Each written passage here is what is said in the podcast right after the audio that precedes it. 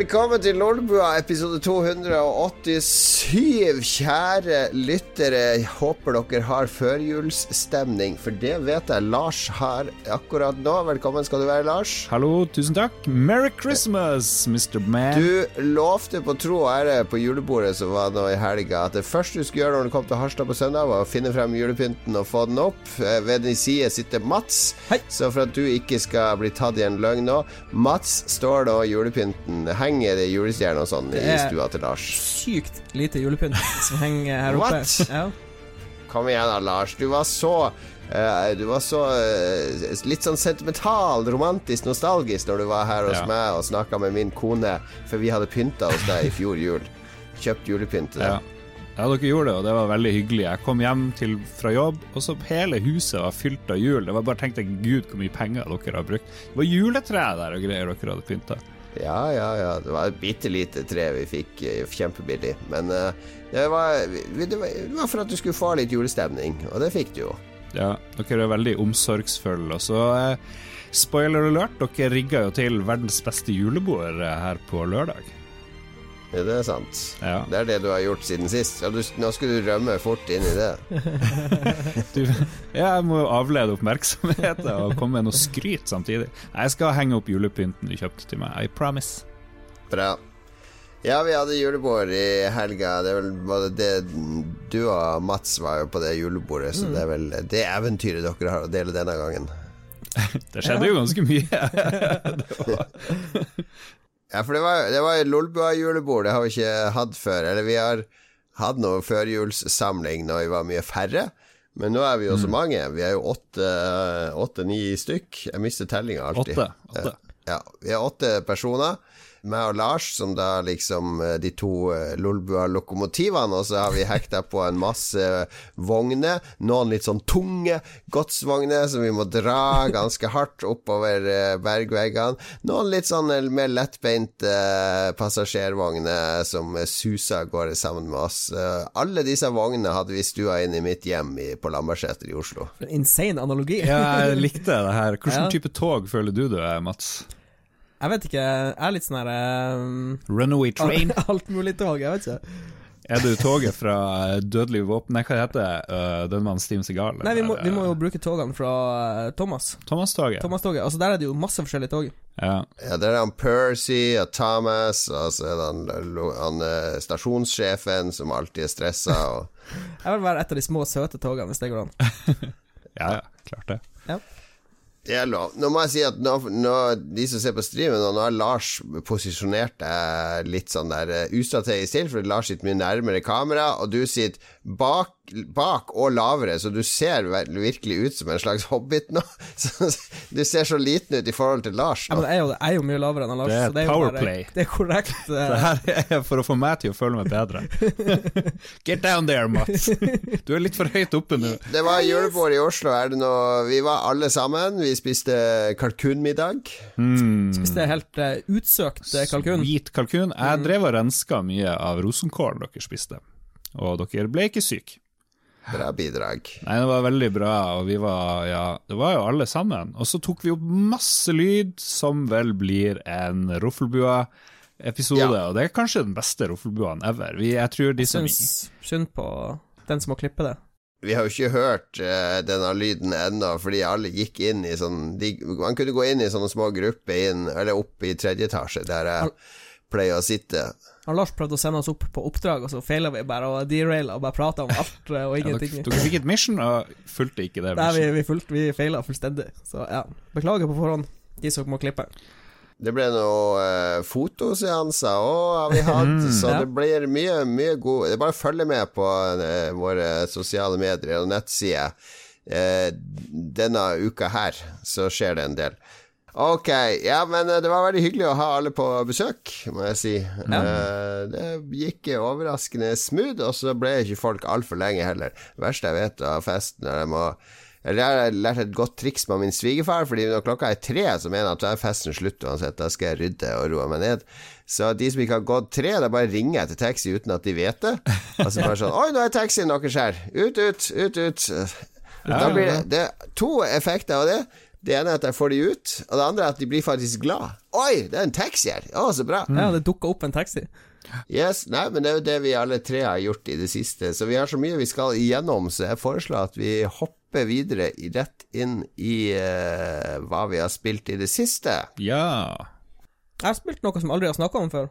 Forrige, forrige uke med Philip og Ståle, så hadde vi bare spilt sånn Sea of Thieves og Destiny. Altså. Uh, ok, jeg har spilt et PC-spill som heter Escape from Tarkov. Det, jeg må si det, jeg blir litt hekta. Kjenner liksom eh, Jeg kjenner jeg vil spille det så mye som mulig for å bli god og få masse utstyr. Mm. Hva er dette Escape from Tarkov? For jeg har jo en 18-åring òg som eh, sitter og spiller det. Ja. Eh, essens, essensen av spillet er et sånn Det er et survival-spill, kort kort og godt. Du spiller en mil militærfyr eh, som blir sendt inn i et område, og så har du x antall minutter på å finne utgangen av kartet. Hmm. Men det er ikke et battle royal. Det er ikke bare én som kan vinne, på en måte. Sånn, I teorien kan egentlig alle på kartet vinne, i anførselstegn, ved å overleve runden. Men Hmm. det er mm, til de som har spilt uh, Days-moden til Arma, uh, så vil de kjenne seg igjen. Fordi uh, det er veldig lite UI-elementer i spillet. Så hvis du spiller La oss si du spiller med vennen din. Dere joiner sammen som en squad. Eh, og hvis du da har spilt andre skytespill, som Destiny, PubG, uh, Counter-Strike, så har du jo alltid UI-elementer over hodet. Eller du har, du har en indikator som viser Ja. Uh, hvem som er lagkameraten din. Det er veldig praktisk. Så Veldig praktisk. Slipper Det å skyte på feil Det, det har du ikke i Escape from Tarkov. Så du må konstant være klar over hvor, hvor er vennene dine. Eh, liksom, Er det da en fordel å, å bruke masse ekte penger på sånn der uh, cosmetics, så du kan gå i en sånn der fl flagrant hawaiiskjorte eller noe sånt, så det er lett å se Ja, der er, der er Lars. nei, det er uh, eh, Spillet har et sånn Milsim-fokus, så det er veldig lite hawaiiskjorte. Det nærmeste du kommer, er eh, Du kan velge mellom to factions. Du kan spille Bear, som er sånn russiske leiesoldater, eller du kan spille Yusek, som er sånn amerikanskaktige spesialsoldater. Og det, det nærmeste du kommer i hawaiiskjorte, er eh, de russiske Bear-styrkene får ei flanellskjorte. Det er liksom så langt du kommer eh, sivile klær. Du vet at Bear er litt sånn maskuline homofile, kan være sånn tenkt. Jeg vil tro at Ja. eh, de er klar over det, de som har lagd spillet. Men ja, vi kan snakke litt mer om selve gameplayet. Kanskje vi- det er en sånn homoklan, liksom. Før vi, før vi uh, går for langt ut på viddene, Lars. okay, uh. Eh, det, er, eh, det er Det er ikke ett kart, som det gjerne er i andre survival-spill. Uh, det er flere forskjellige kart, og de varierer veldig i hvor store kartene er. Eh, og det vil også gjenspeile hvor lenge rundene varer. For det er ikke sånn eh, Det er ikke sånn persistent at du logger på, og så er liksom spillkarakteren din inne i et karte helt til du slutter å spille. Eh, det er sånne korte runder som varer alt fra 10 minutter til 50 minutter på det lengste, på det absolutt lengste. Mm. Eh, og mellom rundene så, så, så manager du utstyret ditt, liksom. For Ja. alt utstyret ditt uh, tas vare på fra runde til runde, hvis du spiller den militærkarakteren din. Jeg burde kanskje også nevne, når du starter en runde, så må du ikke spille med hovedfyren din, der du har alt For hvis du dør med hovedfyren din, så mister du utstyret du har på ho hovedfyren din, ikke sant? Så du har jo lyst til å ikke dø når du spiller han. Men du kan også velge å spille som en scavenger, eller en scav, som de kalles. Eh, og da, da velger du ikke utstyret ditt, da blir du bare gitt tilfeldig utstyr. Du har ingen kontroll over det, og så blir du bare kasta inn i kartet som den her scaven. Men hvis du klarer å rømme, escape Mm. med skauen, så, så beholder du alt utstyret du da har fått på han. Skau er slangord for veldig feminine homofile. Nei, jeg tuller, jeg tuller. Jeg skal slutte med det. Ja, nei, men uansett, i korte, i korte trekk så vil du jo på karakteren din Så vil du bygge opp eh, eh, penger, utstyr, eh, som du da bruker for å utvikle eh, en sånn base du har mellom oppdragene, kalles en hideout. Så det, det, og så er det også rollespillelementer i spillet. Mm. Uh, all, karakteren din har uh, skills Magic missile.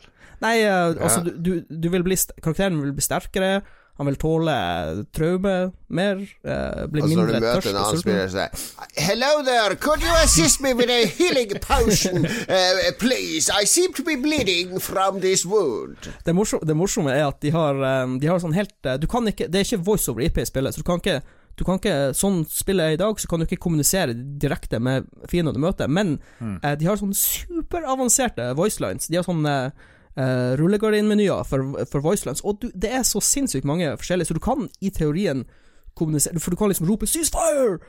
Og problemet er da hvis den eh, spilleren du møter, spiller Bear, så er jo han voicelines på russisk. Så med mindre du kan det russiske for ikke skyt, så eh, ja, blir det jo vanskelig å kommunisere, da. Men Hmm. ja, det, det, er det, altså, det er et super hardcore Det er et super hardcore survival-spill som eh, Liksom det er, noe, det er bare noe sjarmerende med det. Fordi når du blir skutt, så blir jo bare skjermen svart. Du vet ikke hvem som drepte deg, eller du får opp hvem som drepte deg, men når du spiller på lag med en kompis, liksom, og så hører du bare noen skudd, og så bare sier kompisen 'Å, jeg døde', men du vet ikke liksom hvor de er, eller noe sånt. Det er Er det så realistisk at uh, du får vondt i magen når du et for mye, sånn som det er andre? Du, Nei, det, det er ikke så Det er ikke så det var vel Jon Cat... Ja, Det er skum. Ja, ja. Ja, nei da, det er ikke så ille. Du, har- du har eh, Du har mat og drikke, det trenger du, uh, men uh, det er mest fordi du, hvis du blir skada, så blir du dehydrert og sånne ting, så trenger du vann av det, da. Mm. Men det har, har survival-elementer, men det er ikke sånn helt absurde, intrikate systemer. Men hvor er det man får kjøpt det her? Er det på Steam, eller Nei. er det Early Access, eller er det ferdig, eller? Det er Early Access, og det har vært i Early Access ganske lenge. Så den eneste plassen du får kjøpt det på nå, er på hjemmesida til Battle State Games, de som utvikler spillet. Det, er- det er russiske utviklere, Mm. og det er et ganske lite team. Men de er, de er utrolig aktive på Reddits, subredditen til, til Escape from Tarkov. Um, så uh, utviklinga går fremover, men jeg tror at om kanskje halvannet år, så er det på Steam.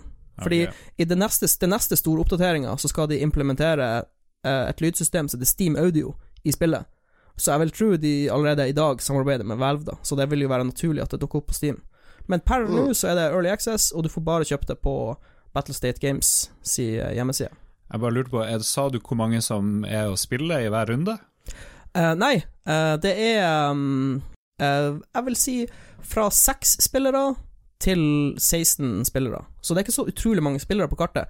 Eh, men ja, det glemte jeg faktisk å nevne. Det var bra du sa, fordi eh, på kartene så er det ikke bare spillere. Det er også enheter som er styrt av AI. Så eh, når du skyter en fyr, så er det ikke Altså, etter hvert når du blir en veteran, så, så kan du blæse måten han går på, på en måte, om det er en AI eller om det er en spiller. Men Ja. det, du vil møte ikke-spillere også i tillegg, så du, du får liksom kills på en måte. Det er det som er litt kult. Det blir liksom som, eh, som wildlife, på en måte. Litt sånn eh, Hmm. elementer du ikke har helt kontroll på, som plutselig dukker opp når det minst passer. Ok, Escape from Tarkov. Jeg ser jo eh, Jeg må jo bruke min 18-åring som sånn lakmustest på hva som er hot or not på PC. Så når han eh, Nå spiller han Terraria, ser jeg her på, på eh, Discord. Men eh, ja, jeg får stole på at det er noe å sjekke ut. Escape from Tarkov. Selv om du må registrere deg i Putins KGB-arkiv for å få tilgang. Du som er litt nervøs for sånn, Mats, eh, blir jo ikke litt nervøs når du må registrere deg på en russisk spillnettside? Jeg vet ikke. Russerne er jo våre naboer. Vi må jo Vi må samarbeide med dem. Mm. Ja, Lars, hva med deg? Spilt noe nytt? Spilt noe artig?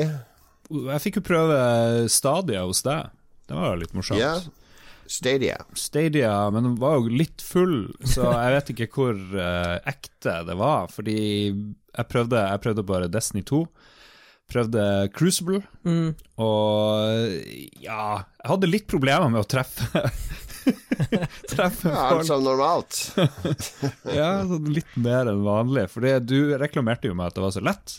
Du fikk sånn 15 kill streaks og sånne ting. Så det, Ja, det, det, det sned ganske lett for meg. Ja, men eh, det virka ok, liksom. Og kanskje er det litt tvilsomt i PVP, men hvis du spiller noe story-based, uncharted eller sånn singleplayer og sånt, og strategi og alt mulig annet, så er det jo helt genialt, for det var ikke så mye lag, og det var jo 60 frames ish, var det ikke det? Noe sånt. Så det Ja. så bra ut, det gjorde det. Mm. Men det er jo veldig kjedelig, for eksempel, du kan ikke spille mot folk på PC eller Ja, det er litt rart at de har PlayStation isolert eh, spillebasen til bare stadion. Det er litt sånn Ja. weird. Det er veldig rart, fordi det er ingen som kan uh, aktivere heroic-versjonen av public events. Uh, de, de blir bare normale, alle de jeg har vært med på, fordi folk bare skyter først og beste de ser. Ja, og den her eh, serverfarmen hvor uh, Google har eh, Stadia-PC-ene sine, det er jo, det er jo PC-er, liksom. Ja. Det burde jo være null problem å koble det til det andre PC-systemet.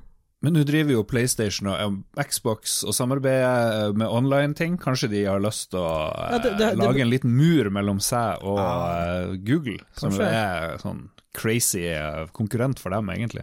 De har jo endelig begynt å åpne opp eh, for cross crossplay nå, PlayStation. Nå er det jo play, eh, crossplay med det nye Call of Duty-spillet, mm. så plutselig kommer Stadia og bare gjør det samme som vi gjorde for ti år siden. Og så kan jeg nevne at jeg har spilt eh, Mini Motor Race på Apple Arcade. Satt på flyet i går hjem til Harstad. Da var det å bygge byer og bygge veier mellom hus i eh, Los Angeles, tror jeg jeg begynte. Og Det er veldig gøy. Det dukker bare opp noen hus, og så må du lage sjøl hvordan ruta skal være mellom dem, og noe, hvor de jobber og sånn. Eh, hvert hus har hver sin destinasjon, og de er ulike farger. Og så må du få det her til å passe. og hvis, hvis trafikken går for tregt, så er det game over. Så det, jeg lurer på om det er uendelig. Jeg er litt sånn usikker. At det bare fortsetter og fortsetter. Det er oppfølgeren til Minimetro, Mini Metro, er det ikke det? Jeg sier ja, helt klart. Jeg vet ikke. Aldri Altså, nå om det. oppdaga du det her hvis du ikke hadde vært borti Minimetro. Minimetro Mini var jo kjempestort. Der skulle du tegne T-banelinje mellom stoppa. Ja, ja, det høres ut som på navnet at det er det samme. Nei, det bare lå i, uh, i Apple Arcade. Jeg tenker alt som er der, har god kvalitet, tipper jeg, og så bare velger jeg noe og så prøver jeg det. Hmm. By the way, jeg Mosaikk ikke ute på Steam og GOG på fredag. Vi var på lanseringsfest, vi må jo nevne det kjapt. Det må vi jo. Ja, det er sant. Det var Ja. dere. Ja, så det var gøy. Fikk vi Sweet! Du var ikke der, Mats. Du Nei. kom dagen etterpå. Men vi fikk eh, nybakte donuts som var bare sånn absurd god. Og vår venn eh, Jabba eh, spiste i hvert fall fire som jeg så av de der, som jeg ble mett av én. Han bare tror det går det an å ta en til. Det Han gikk beast mode. det er jo ingen som spiser de her. Fantastisk. Så det var bra. Og da var det underholdninga var blant annet en fyr som kom med en sånn jævla gammel grammofonspiller. Så satte han på noe av en eller annen Caruso, sånn gammel eh, Pavarotti-aktig fyr. På 30-tallet eller et eller annet sånt. Og så spilte han saksofon til det. okay. Og sang eh, opera med sånn vill stemme, så det var kult. Herregud, det var ikke en fyr, Lars. Det var en dude. Det er uh, Håkon Kornstad, eh, jazzmusiker. Han spiller saksofon og fløyte og uh, bruker masse elektroniske ting. Han var en sånn Oslo-fyr og spilte litt og sang litt. Han har eh, turnert uh, overalt i verden og gitt ut masse musikk med Bugge Wesseltoft og Ketil Bjørnstad og Sternklang og En sånn søring som har jobba med masse andre søringer. Nei da, det var veldig bra. Spilte, eh, Sarajevo Jazzfestival var han headliner på for noen år siden. Og Jesus Christ, ingen som har hørt om Sarajevo jazzfestival. nå har du hørt om den. Du lærer mye på å høre på Lolbua, skal Yeah. jeg si det. Alle har sagt hva de har spilt i det siste, bortsett fra Jon Cato. Ja, jeg har ikke hatt tid til å spille så mye, men i, i dag faktisk uh, har jeg spilt uh, på Switch, for det har jeg ikke gjort på lenge. Der spilte jeg litt Diablo 3, for det har begynt en ny sesong i Diablo. Eh, Oh. Det er faktisk veldig gøy på å spille de her på Nintendo Switch. Ja. Eh, for du kan ligge i senga og spille det. Eh, det er jo optimalisert nå for kontroller, som gjør at jeg har ikke så lyst til å spille det på PC. Jeg syns faktisk det er deiligere å spille det med kontroller.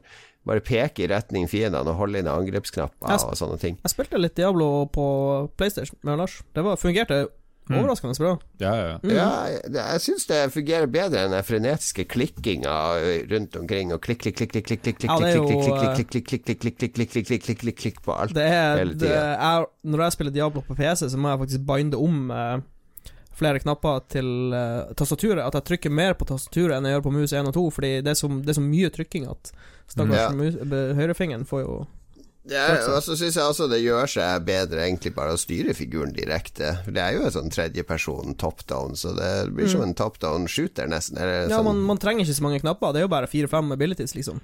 Så det er Ja, jo mer så, enn nok knapper. så, men, men det å, å kunne ha det Ligge på sofaen og spille det på switchen, liten skjerm, eller i senga, eller på tur, det gjør seg veldig godt i sånne små burst, fordi du har disse ulike Nå er det så mye moduser, ikke sant? Du har rifts og småting du kan complete eh, i små chunks, og bare grinde deg opp og få lut og utstyr og spesialutstyr og, og dra til vendors og, og lage ting. Så eh, jeg ble litt hekta på det med en gang. Bare nå må jeg spille mer Diablo. Det er designa spilte- for at du skal bli hekta. Ja. Ja, det er det. Det er, det er helt uh, kynisk designa for det. Men det jeg spilte mest, var jo Luigi's Mansion 3, som egentlig har ligget og hvilt i hele november, etter jeg så vidt begynte på det.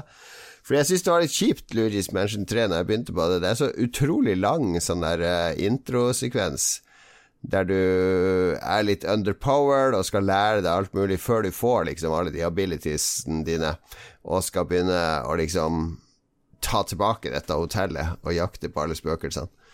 Så, men når jeg endelig kom dit, så ble det litt gøy. Men det er litt sånn vimsete kontroll. Altså, det føles litt som et sånn der uh, tredjeparts Nintendo-spill til tider. Det, det, mangler en eller annen slags polish, selv om animasjoner og alt sånt er helt på topp. Han Luigi, jeg husker i alle sånne uh, Nintendo-spill så er liksom han, Når du spiller han Mario, så er han liksom supertight og responsiv. Og så er det akkurat sånn Luigi er litt, litt mer sånn klumsete. Litt sånn tre, litt sånn akkurat sånn forsinkelse når du skal bevege han. Luigi har jo muskeldystrofi. jeg vet ikke om de gimper Luigi med vilje liksom ja, i de spillene. Ja, nei, det vet jeg ikke. Men her, du skal liksom kunne rotere 360 grader rundt, samtidig som du skal kunne sikte Må av og til sikte opp og ned. Uh, og så har du sånn uh, flashlight på støvsugeren som du må fyre av gårde for å stønne spøkelser. Og når du begynner å lade opp den, så klarer du ikke å rotere. Da må jeg flytte hånda på kontrolleren for å rotere Luigi. Okay. Det blir helt sånn her motsatt. Så jeg er ikke sånn 100% fornøyd med Luigi's Mansion 3, men det er veldig sjarmerende. Veldig koselig. Han eh, Ståle har jo det her som Goti omtrent, tror jeg. Så ah, ja. år. Men han sier det er morsommere når du spiller toplayer, så jeg vet ikke om du har prøvd eh, noe det. For det var visstnok lagd Ja, Coop. Da, det er bare kjeft. Det blir så dårlig stemning hjemme hvis jeg prøver ja. å spille med noen i familien, så det styrer jeg unna.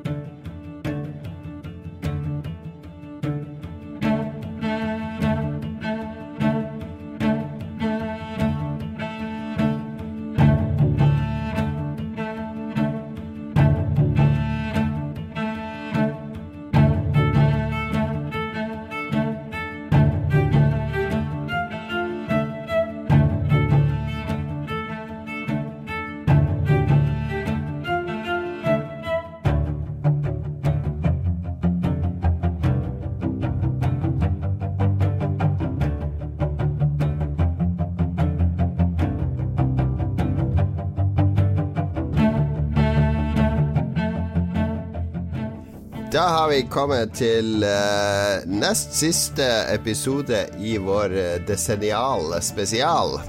Den var fin. Ja, det er Desennial spesial.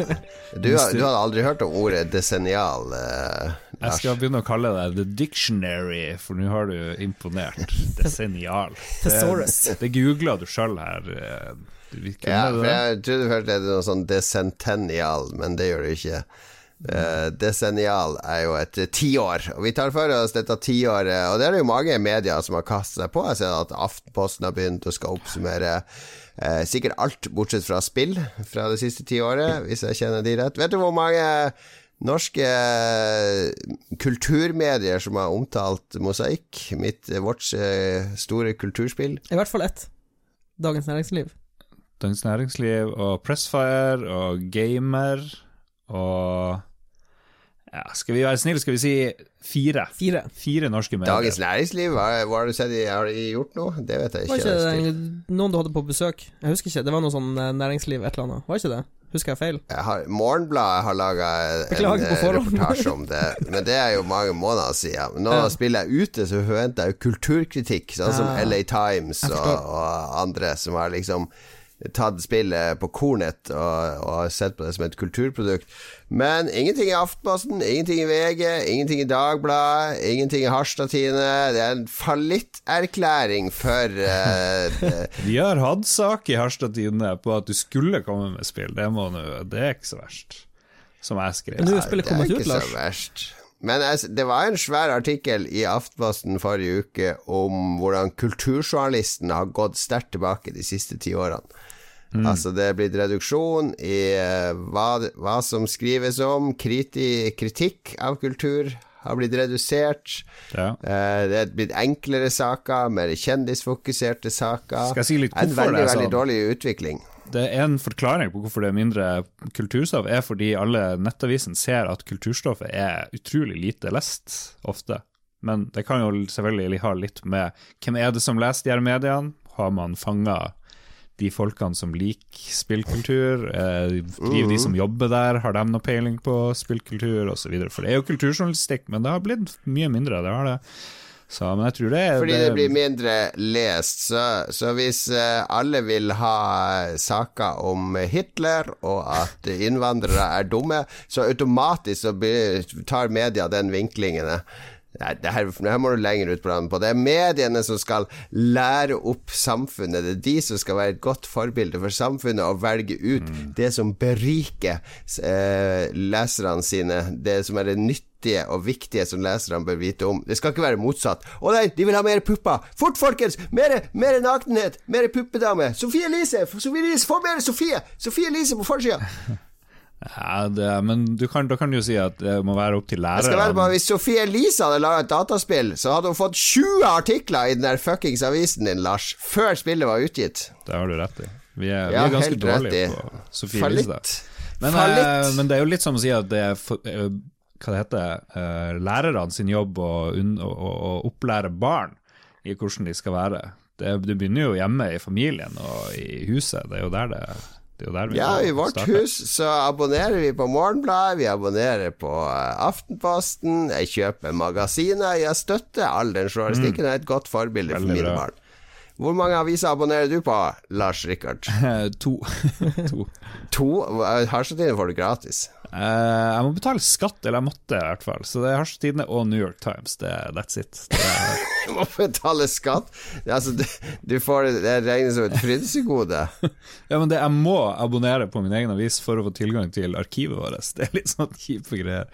Fordi jeg hadde jo ikke trengt å abonnere på avisa vår, for den får jeg jo gratis uansett. Men ok, men hvor mange medier har skrevet om uh, musikk, sa du? Det glemte jeg. Eh, I Norge Ingen. ingen.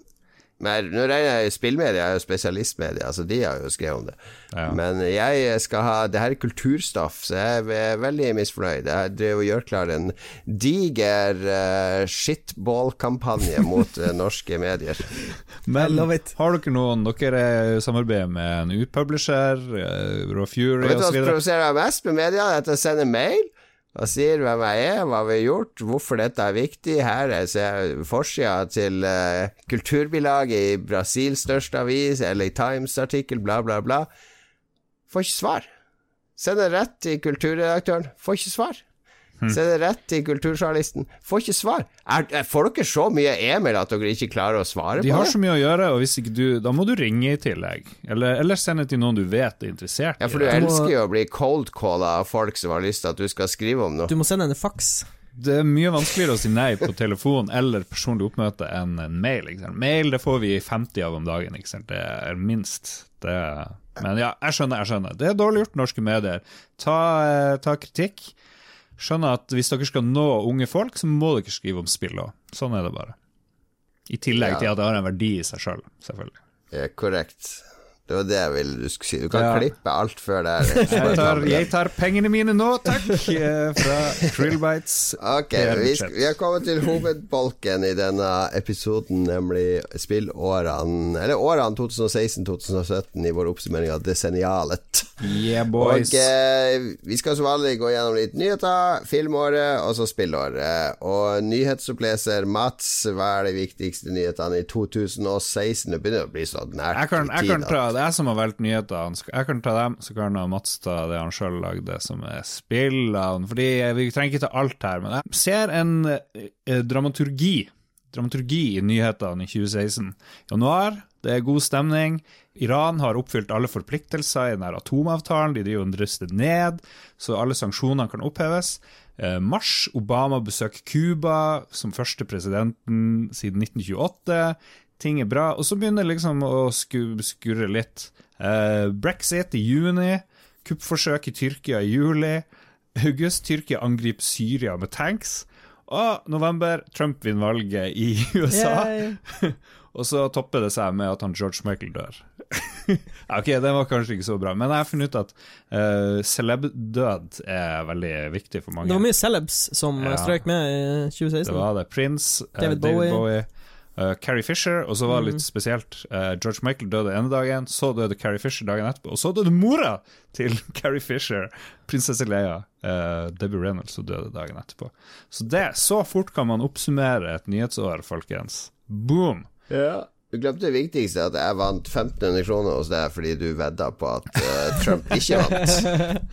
Det stemmer, det. Og så tok jeg ikke med at Colombias president, Juan Manuel Santos, får årets Nobels fredspris. Gud vet for hva. Ja, Nobody Men alle disse kjendisdødene, det er jo noe som er nytt. At det er sånn eh, Det er så mye fokus på det hver gang en kjendis dør. Før var det vel bare en liten notis i avisen. Ja. Og nå Grete Rode og ja. Og dattera, hva heter hun, folkens? Det var en stor greie på julebordet. Herregud. Han Christian kunne ikke slutte å snakke om Anette Rode, så det kan folk glede seg til på uh, Ruffelbua. Uff. Vi har kommet til film 2016. Yes, den har jeg oppsummert, fordi når du skal oppsummere det, så er det så surmaga og vondt og, og hat, hat, hat over hele linja. Um, jeg har ikke tatt med sånn Star Wars og Marvel, for det vet jeg at de fleste lytterne våre har interesse av. Og hvis vi har lyttere som ikke har interesse av det, så skal jeg ikke plage dere med disse middelmådige filmene.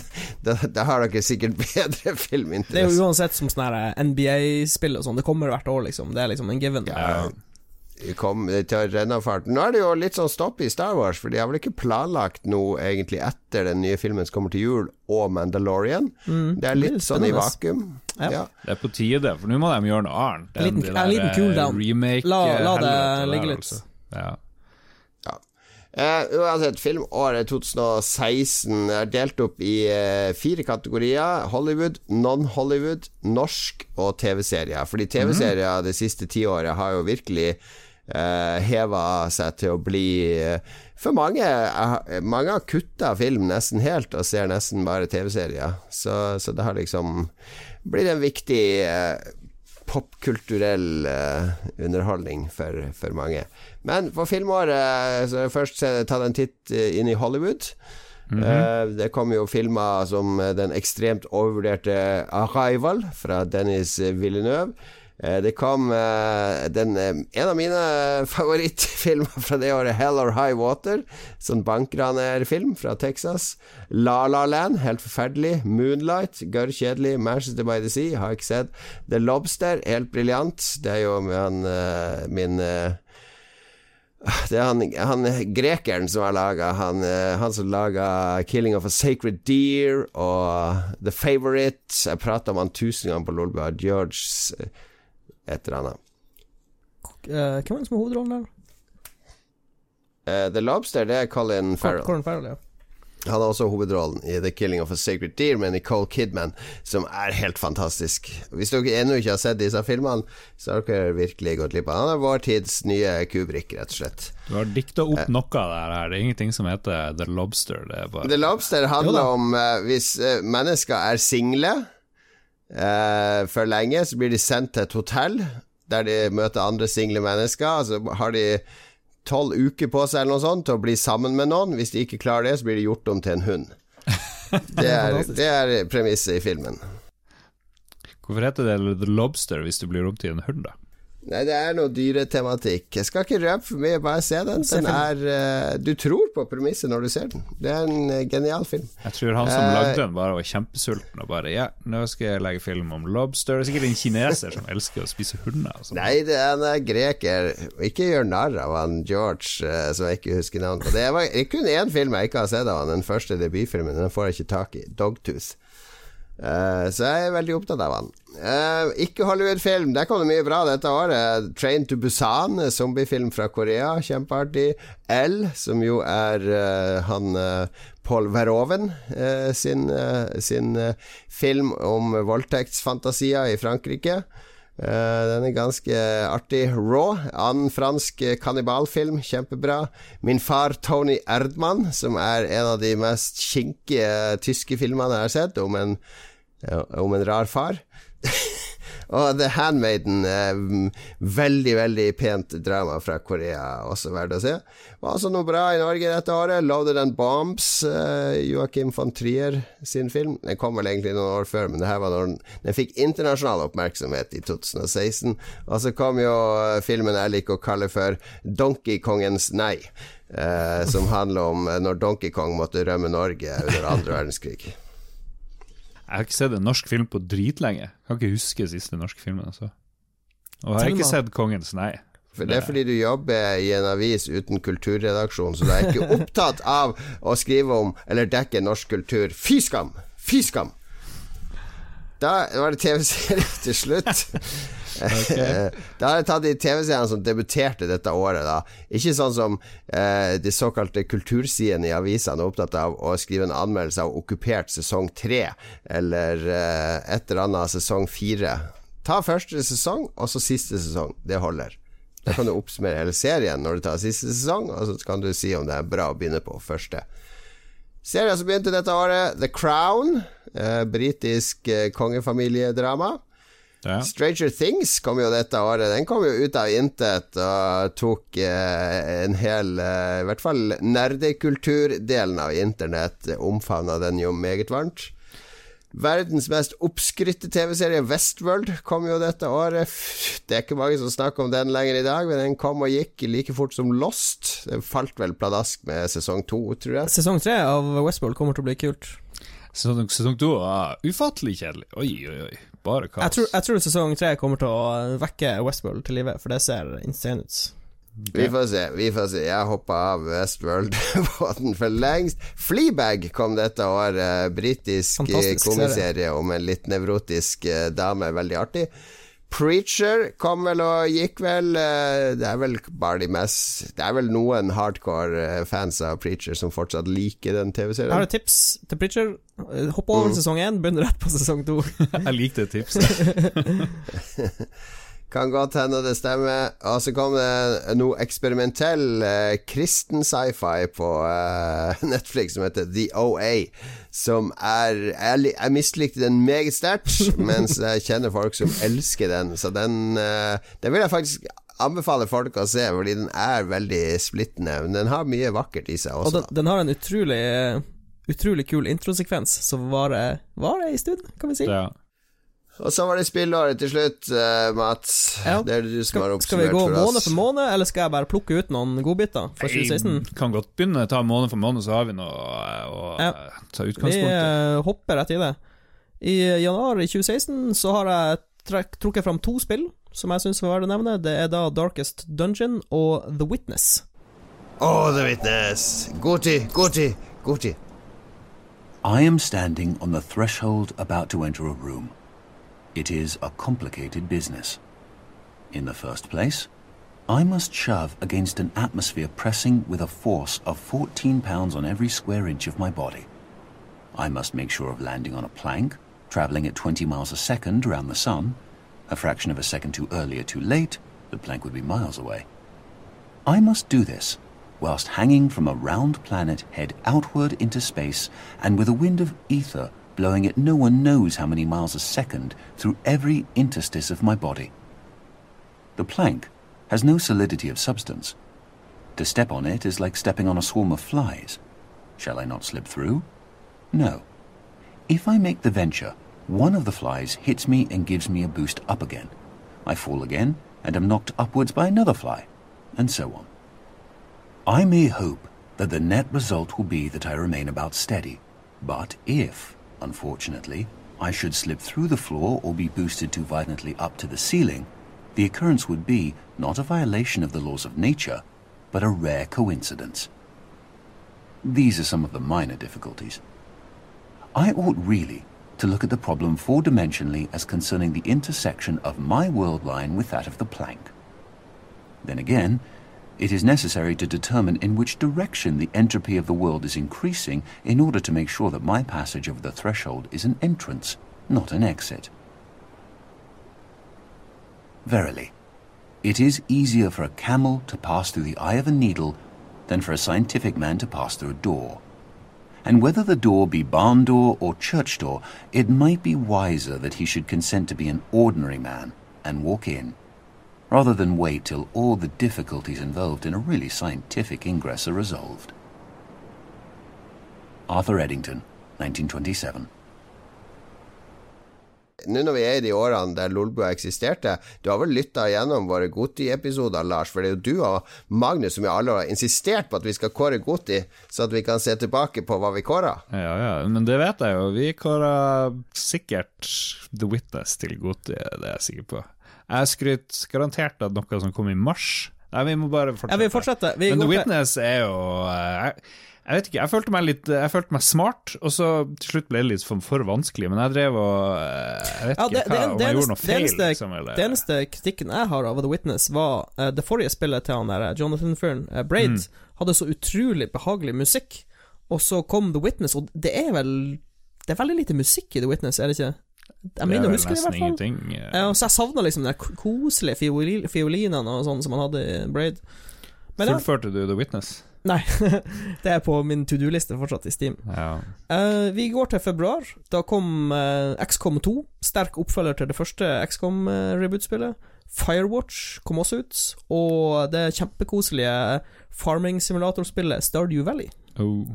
Ja. Som jeg ikke har spilt, men som jeg hører er veldig koselig. Spilt litt, virker veldig koselig, men litt for lite draping, Ja, kanskje. litt, litt lite murder. Ja. Spilte Firewatch gjennom, det er jo ikke et langt spill. Det er jo Mm. Men eh, ja. XCOM 2 spilte ingenting. XCOM 2 er utrolig kult. Morsom vri eh, på kampanjen fra det første XCOM-spillet, hvor du eh, på en måte Jorda er nå okkupert av romvesenene, de har tatt over alle statene. Så spiller du motstandsbevegelsen, da, som skal Det, kaste de bort fra jordkloden. Eh, vi drar videre til mars 2016. Da kom Heavy Rain. det må være remaken eller noe sånt. Jeg vet ikke, ja, det er kanskje gammelt. det kom på PS3 syv år før det, så Ja, okay, hopp ja. over det. Vi hopper over Heavy Rain. Eh, The Division kom Mm, på PC og konsoll. elsker Division. Mm. Tom Clancys The Division. Fikk hard medfart eh, av kritikere og spillere etter hvert. jeg føler The Division fikk litt eh, sånn rocky start, og så ble det The Division var jo ikke bra før i desember dette året. ja, så Kanskje til og med i 2017, på en måte. Så. Mm. ja. Eh, og det siste spillet jeg har med i mars, er Hyper Light Drifter. så so good. Musikken der er bare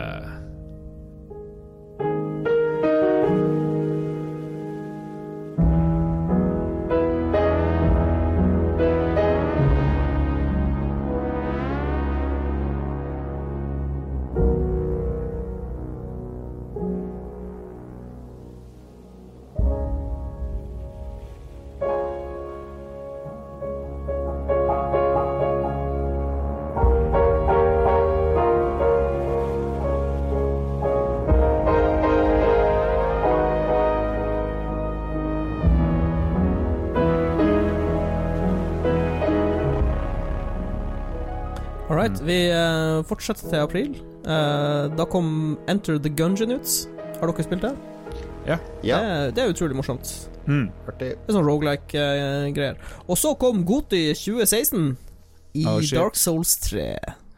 Ja. Sterke, jeg vil si sterkeste Dark Souls, uten Hva, tvil. hva, men, men var den annerledes enn Dark Souls 1 og 2? Nei, det var det samme, var bare utrolig Utrolig bra gjennomført. Mm, Sinnssykt stor variasjon i bossene. For det, var, det er min kritikk til Dark Souls 2. Alle bossene ligner så mye på hverandre. De har to Mm. Altså Det er stort sett humanoide bosser i Dark Souls 2, men i Dark Souls 3 så bare går de amok. Og det er så sinnssykt mange kule bosser, og det er så pent spill. Så Ja. uh, jeg har faktisk spart DLC-en til Dark Souls 3 ganske lenge nå, så jeg tror jeg skal hive meg rundt. Julespill. Julespill, ja, kanskje.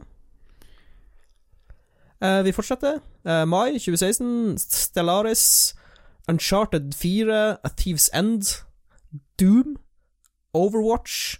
Og så har jeg valgt å ta med DLC-en til Witcher 3, Blood and Wine, fordi jeg mener det på sine egne føtter er egentlig et eget spill.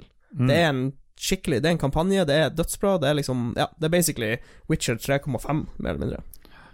Uncharted 4 er det veldig få som snakker om nå. Jeg har, har ikke spilt det. Jeg har dessverre spilt. Ja, for det som er så Det er morsomt langt fra noe Goti. Det som er så morsomt Hvis du går på metacritic.com og sorterer Best Games, og så setter du året på 2016, så er jo Uncharted 4 er jo sånn er nummer to eller noe sånt, for det fikk så sinnssykt bra kritikk. Mm. Men er det et bra spill, sånn egentlig? Nei, det var jo opp, oppskrytt. Ja. Det, var, det hadde sine stunder, men det var litt for langt, og så, ja Altfor mye fiender. Ja, Altså. jeg, jeg vil si i mai så var Doom det beste spillet, fordi det var så sinnssykt kul reboot av Doom med musikk og action og ja. Mm. Uh, vi går videre til juni. Da fant jeg egentlig bare ett spill som var verdt å nevne, Ja. og det var Inside. Det var kanskje mitt gode i Ja, 2016. utrolig kult spill, da. Det er, jo, det er jo Hvis du ikke har råd til å kjøpe Mosaic, så kan du bare spille Inside, som er nesten det samme spillet. Eh, vi går videre til juli. Da kom jo uh, monsterspillet på mobil, Pokémon Go, som fortsatt spilles av sikkert altfor mange millioner i dag. Det er jo god tid. Vi har fått uh, en sånn uh, poketårn rett ute i hagen her nå. Uh, Ute på lekeplassen, så ungene går ut annenhver dag, fordi da er det en legendary som har dukka opp der, så da må de raide. Så da må de ringe til alle vennene sine. Kommer alle vennene hit, og så står de der i ti minutter, og så går de hver. utrolig bra.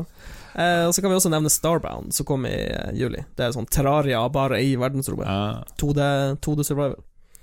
Eh, vi går til august. Da kom No Man's Sky. Oh, Endelig- endelig kom No Man's Sky. No Man's Sky. Ja. Det var veldig koselig. Jeg liker ikke det nå, Fordi i starten så var det bare du lander på en planet. Går du rundt, eh, samler ressurser og utforsker litt, og så holder du på i fire-fem dager, og så skjønner du at det er ikke så mye mer å Det gjøre. er en dårlig planet. Men nå så er det sånn at du skal bygge maskiner, og du har sånn sikkert en million Men da ting. ble, da ble det utrolig omfattende. Så, ja, ja. Så det, det blir for mye for meg. kjempebra. Det blir kjempebra. masse Ja, du altså, hvis, gjøre. hvis- Det blir for bra. Hvis du ser på community, så er det liksom Så har No Man's Sky gått fra For problemet med No Man's Sky var jo det var jo så sinnssykt hypa, så når det endelig Ja, ja. kom, så Det kunne det, kun, det kunne ikke leve opp til forventningen. Nei. Men så føler jeg at de har bare liksom De har bare liksom tatt på seg hjelmen og gått ned i skyttergraven, og så har de bare gjort spillet bedre, måned for måned, år for år, liksom. Men de har misforstått. Noen av oss likte spillet fordi det var ikke så mye å gjøre, og det var veldig beroligende å Ja. fly rundt og Men jeg tror du er i minoriteten og- på akkurat ja, det, faktisk. Ja, jo da, jeg vet. Men, Også, eh, ja. Men når et spill først er på en måte, og så blir det litt annerledes, så Ja. bruker jeg å hate det. Ja. Skulle bare litt til i Heartstone, så bare nei, ja. nok. Det, this is not my game.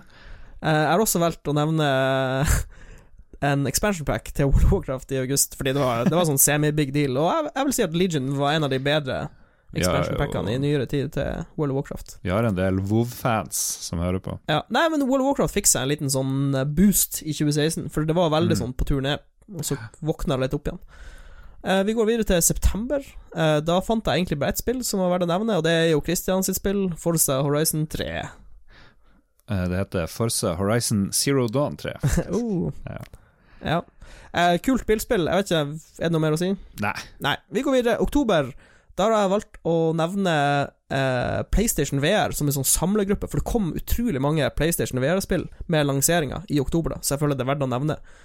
Eh, Battlefield 1 kom. eh, første verdenskrig Battlefield. Eh, det fikk Bæ. sånn OK kritikk. Eh, Civilization 6 kom. Eh, jeg er ikke sånn Civilization-fyr, men jeg tror at Civilization 6 var et bra Jeg har fått kode til det til PlayStation 4, men jeg har ikke jeg, tror folk, jeg tror folk liker Civilization 6. Jeg har litt lyst til å prøve det, men jeg har ikke gidda ennå. Men jeg må gjøre det. Og så kom, på slutten, i slutten av oktober, kom Titanfall 2. Åh, Utrolig kul singleplayer-campaign. nice. Veldig bra singleplayer. Det som er litt morsomt, er at Titanfall 2 er nå et PlayStation Plus-spill. Ja, Så, denne måneden. ja, så multiplayer-spillerbasen har gått fra 1500 spillere til 70 000 spillere Oh. av det. Så det har våkna til liv igjen. Det er Ja. veldig kult. Det er det. Spill Titanfall 2, folkens. Ja, hvis, du, hvis, hvis du har PlayStation. Plus, og du ikke har spilt uh, singleplayer-campaign i Titanfall 2, så er det no-brainer. Den, Ja. den er kort. Jeg fikk, jeg fikk sånn Half-Life-feeling, nesten. av Ja, ja, ja. Ja. Sånn god feeling. Eh, vi går til november. Da var det faktisk eh, litt stacka release. Det var eh, vårt norske spill Owlboy. Owlboy. Høsta ganske god kritikk, gjorde det ikke? Ja da, kjempekritikk. Møtte han Joremi som koda det, eller en av de som koda det, hovedkoderen, på Ja. ja. musikklaunchen. Han var i kjempegodt humør, kjente han ikke igjen i det hele tatt, svært skjegg. Han drev Ja. og snakka om å støtte oss på Patrion, så Joremi, let's do this.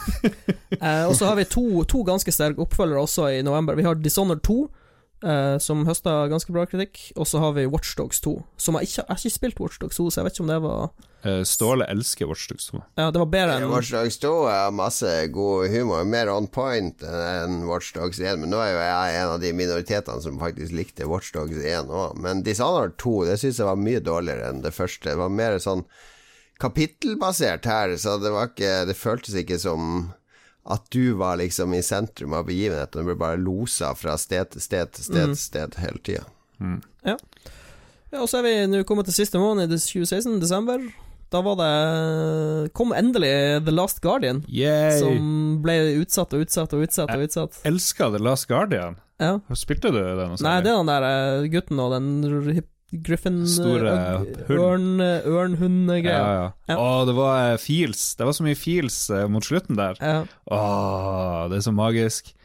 Magic Games. Eh, og så kom Yakuza 6, kan det stemme? Ja, det tror spør. Jon Cato. For det er noe, noe som sagt, jeg bomma på Heavy Ja, Rain, så jeg kom. tror jeg. Yakuza 6 var et sånt nytt, nytt spill når det kom i desember 2016. Det kom, det kom. Ja. Nei, det er ganske bra spiller. Du hadde jo glemt Mm. det aller, aller, aller beste spillet. Ja. Nemlig Stevens Sausage Roll, som jeg prata mye om eh, i 2016, av Steven Lavell. Det, vet du hva det kalles for, eh, Mats? Bare for å få deg interessert? Uh, nei? The Dark Souls of Puzzle Games. Oh, okay. Det anses som verdens vanskeligste puslespill, for det har helt enkle basic mekanikker. Du skal rulle en pølse og så steike den på alle sidene med en gaffeltruck. Eh, men det er de, Noen av de levelene er sånn der eh, Det er noen leveler der jeg har gått flere dager og tenkt på i hodet mitt. Okay. Og så begynner spillet en time, og så får jeg ikke til, og så går jeg og tenker på det. Og så begynner klikke løsninga, så kommer du tilbake. Okay, jeg er offisielt interessert i dette spillet. Er det på Steven Sausage Roll 30 gode dollar på Steam fordi Steven Lavelle har sagt Fuck alle som mener at spill, sånne småspill skal være dritbillig. Hvis du ikke gidder å betale 30 dollar for det her, så kan du ha det så godt. Så alle på Steam har hata det, men det har likevel eh, fått rave reviews. Og hvis du ser på Best of-listen til masse indie-utviklere, så har de Steven Sausage Roll som beste spill i 2016. Eh, jeg er vel uh, Inside som det spillet jeg husker best, og har mest lyst til å spille igjen fra 2016, tror jeg. jeg, jeg må velge Dark Souls 3. Jeg har ikke noe valg, dessverre. Ja. Uh, mm. Og du valgte Jeg husker ikke, du hadde flere du mente var Goti her. Pokémon Go var plutselig Goti for deg. Ja, vel, eh, Steven Sausage Roll og Pokémon Go og The Witness. Ja. Det var de som Ja. jeg husker best fra det året. Jeg liker Doom òg veldig godt. Ja, Doom, du, du er på min topp tre-liste. Ja, så det er vanskelig å velge, men, Ja, eh, men vi Det var, det var ganske, det var ganske bra spillår, da. Altså 2016. Ja, ja, ja, det var helt topp spillår. Uh, vi, jeg tror vi valgte en bra nå, topp seks, faktisk. Her, Ja. tror jeg. Jeg, jeg ser på Lolbua, så hadde vi sånn Lolbua Awards i 2016 i desember. Ah. Jeg syns det er så fin eh, Det er tydeligvis jeg som har skrevet saken, fordi vi er endelig klar med siste del av Lolbua Awards, hvor Magnus, Lars og Jon Cato snor seg ut og inn av boksen for å gi kunstig åndedrett til det slitne og livsleie Goti-konseptet. Det var du.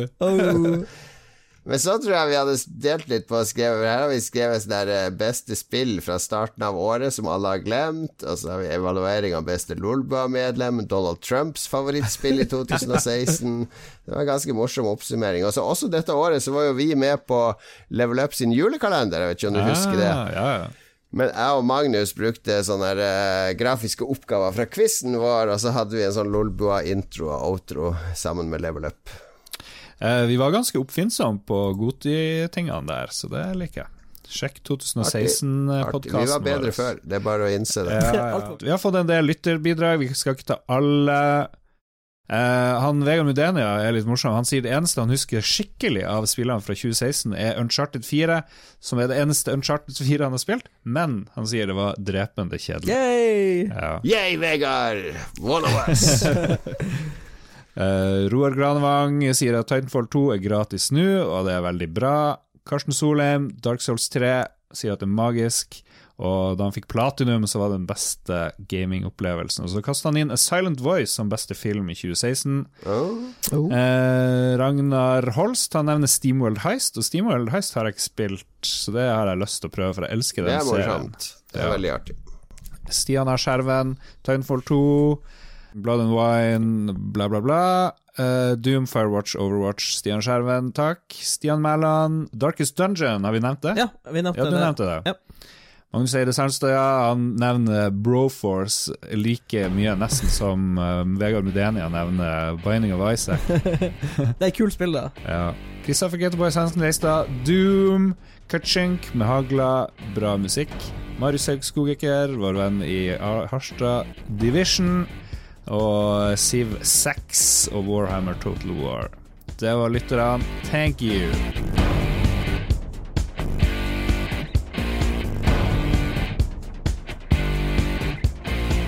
It's now never, and I've got to make my decision. This time could be my moment. Is this a mirage or a chance to fulfill my mission?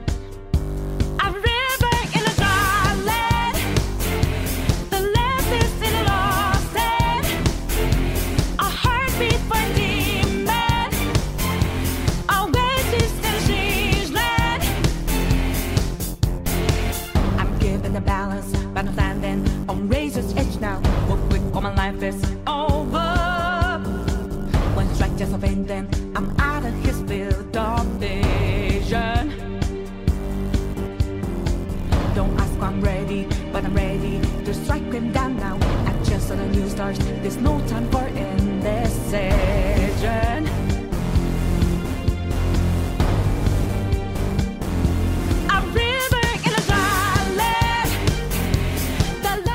Nyheter 2017. Vi går til neste år. Vi er da tre år, eh, to år fra 2019 nå. Nest siste oppsummeringsepisode av eh, Desenniale. DAB-nettverket deaktiveres i starten av året. Eh, og så ble jeg sjokkert. Det første homoparet vies eh, ordentlig i en norsk kirke. Skjedde det først Hva? Har Har ikke det skjedd før det? Av en prest, av en sånn ordentlig norsk kirkeprest. Så det Yes. i en kirke. Før måtte de sikkert være i sånn her kloakken Stå eller på parkeringsplassen. ja, Ja. de var i krematoriet og sånn. De håpte de datt Tror du inn. at jeg var første heteroparet som gifta seg i en kino i Norge? Tror du jeg har den rekorden? Hvis folk har gifta seg under vann og i helikopter og eh, fallskjerm, så må de gifte seg i en kino. Tror du ikke det? Ja. Men la oss ikke utelukke noe her. La oss ikke utelukke noe. Jeg var med på det bryllupet. Veldig bra. Gøy med kinobryllup. Eh, juni okay. eh, Trump er fremdeles med. Det var masse Trump-nyheter. Jeg orka ikke de, bortsett fra at han trekker seg fra den Paris-klimaavtalen. Fuck you, eh, Trump. August, eh, danske ubåt-Madsen siktes for drap. Etter at en svensk Ja. journalist melder sannhet. Og jeg ler, men det er jo helt tragisk. Det, er- det er så trist. Jeg syns så synd på hun dama som ble stuck på Ja. ubåten med han. Tenk hvis vi skal Det blir jo en film, det der, en eller annen gang. Og tenk hvor jævlig eh, det må være å være med en gærning som skal Ja. partere deg og sånn her i en ubåt. What the fuck? Det som er litt rart, er Egentlig så burde han hete Rakett-Madsen, Ja, for han holdt mye mer på med raketter enn ubåter. Ja. September. bare Hugh Grant dør, det er jo feil. Han døde jo ikke. Hvem er det som har skrevet Har du vært og juksa på skjema? Det er jo Hugh Hefner du mener. Det, jeg det blir så mye rot med disse kjendisene. Gå videre. Hugh Hefner døde, den gamle PlayStation-grisen Nei, Playboy-grisen. Han var sikkert en PlayStation-gris òg. uh, Harvey Weinstein får sparken, da er det mye metoo. Og Nobels eh, fredspris går til internasjonale kampanjen mot atomvåpen. Det er de her Nobels fredspris trenger en skikkelig boost her, altså. Vi husker jo Hva skal, ingenting. hva skal til for at eh, Lolbua får Nobels fredspris? Hvordan kan vi posisjonere oss inn her? Vi i eh, Nord-Korea. Boikotte Ja, Kina, drar til Nord-Korea, Boikotte Kina, det får vi ikke. dra til Israel. Dra til Israel. mye, mye shaky dårlige ideer. Er det noe mer? Vi må gjøre noe stort. Hmm. Vi kan megle. Vi kan megle. Vi og han der Dennis Rodman er ferdig i Nord-Korea. Ok, vi tar filmåret 2017, hopper rett over på det. Um, Hollywood først, da. Samme struktur som sist. Dette var jo det året der komplett uforståelig for alle så stakk The Shape of Water av med flest Oscar-priser. Maken til kjedelig eventyrfilm for voksne finnes knapt. Eh, Dunkerque, den var jo ganske bra, da. Solid, Ja. solid jeg, film. Jeg hørte en uh, podkast om lyddesign, en av de her jeg har nevnt før, og uh, de bruker en sånn spesiell effekt i Dunkerque, hvor det høres ut som lyden blir høyere og høyere og høyere hele tida. Det er en sånn loop med toner som gjør at det høres ut som lyden stiger og stiger og stiger. og stiger. Dere har hørt den effekten Ja, før, ja, ja. men det, går aldri opp, og det, det er du sånn blir bare ekkel- sånn nervøs. det er sånn ekkel greie. ja, ja. Så filmen er designa rundt den lydeffekten, da, ifølge han regissøren. Som jeg ikke husker hva heter. Han uh, Christopher Nolan som har laga den, han er vel akkurat ferdig med den der uh, nye første verdenskrigsfilmen sin, der hele filmen er tatt i ett take. Uh, som har fått meget god mottakelse. Så det blir spennende å se hvordan den er. Shape of Water, for eksempel, det, er- eller når vi skal ta litt mer om den, det er han Guillermo del Toro. og liksom den filmen han fikk anerkjennelse med, men basically har han laga samme filmen på nytt. og Han lager sånne eventyrfilmer med sterke farger og litt banale historier for uh, voksne. Eh, jeg så en av de første filmene hans nylig, The Devil's Backbone, og den er basically Pans labyrint og alle de andre på nytt.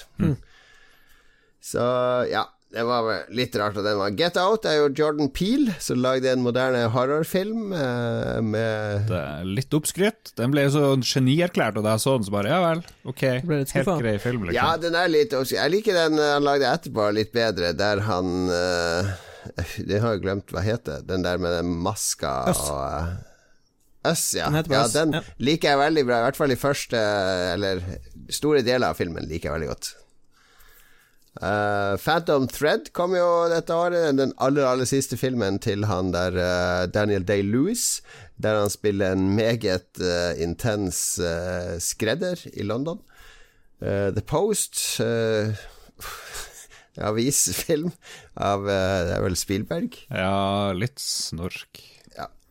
Litt snork. typisk sånn amerikansk true story-drama, thriller. Og så kommer den geniale Three Billboards Outside Ebbing, Missouri, eh, med hun kona til han ene Cohen-brødrene. Det var eh, Fargo-dama, som jeg ikke husker. Ja. Ja. Ah, ja, Fargo ja, ja, ja. Hun er kul. Ja, den er veldig, veldig bra. Og det samme er jo I, Tonya, som er komedien om Tonya Harding uh, og Nancy Kerrigan. Er det en komedie? Det er en komedie. Det er en mørk komedie. Det er mye morsomt i den, men så blir det veldig tragisk, fordi eh, du ler av det, og så sjekker du etterpå, så ja, det er jo faktisk akkurat sånn. Det er en sann historie. Ja, det er bisarre Ja. hendelser. Det, du ser den der eh, livvakta hennes, sier i anførselstegn. Det går ikke an å være så dum. Og så ser du sånne ekte intervjuer med han fra CNN. Ja, han var faktisk så dum. han ser faktisk dummere ut i virkeligheten enn de klarer å portrettere ham på film. Eh, Florida Project med, med Willem Dafoe, meget rørende dramafilm. Og så kom jo Blade Runner 2049, kom og gikk. Ble fort glemt, den òg, synes jeg. Det. Altså, jeg føler Når de tar disse gamle klassikerne og skal Nå skal vi lage oppfølger, endelig. Oh, alle får det de vil. Og så er det bare sånn Ja, det var, var greit. Vi er jo veldig uenige, jeg og Mats, på Blade Runner. Ja, Ja. eh, Men det, la oss ikke rippe opp i Jeg, jeg likte den, men Ja, ja, jeg, skal, jeg skal la folk ikke like den. Ja. Ja, absolutt. Jeg, jeg, har, Ja, jeg, føler det er fred nå. jeg har sett den to ganger. Oh. Ja, jeg har også sett den to ganger, faktisk. Ja. Men jeg er, ikke så glad, jeg er ikke så glad i den for det. Men jeg vil jo heller at han Villeneuve skal lage en ny science fiction-klassiker som ikke bygger opp En på original science fiction. Ja, som ikke bygger opp på en masse minner vi har fra Mm. gammelt av, og skal være en masse fanservice. Jeg ser Det- den. Og det er jo det som er problemet med hans neste film, Dune. Ja. Ja, den uh, har jeg nesten avskrevet allerede. Uh, utenfor Hollywood så var det Jeg fant ikke så mye dette året. The Lure er et veldig artig polsk, uh, polsk film om uh, noen havfruer som bor oppe i badekar. Eh, The Square er en veldig god svensk film. Veldig sånn pretensiøs kunstnerisk film. Det må være dama fra Handmaid's Tale. Hun, uh, hun ganske pene, sexy dama der. Hovedperson. Hovedperson. Ja, hun er dukket opp, eh, og så er det masse svensker, og så er det en apemann, og det er en veldig spesiell film.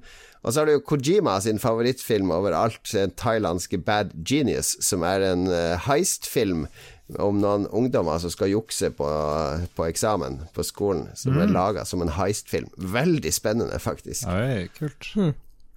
Eh, omtrent den eneste Thailand, filmen fra Thailand jeg har sett som eh, kan anbefale.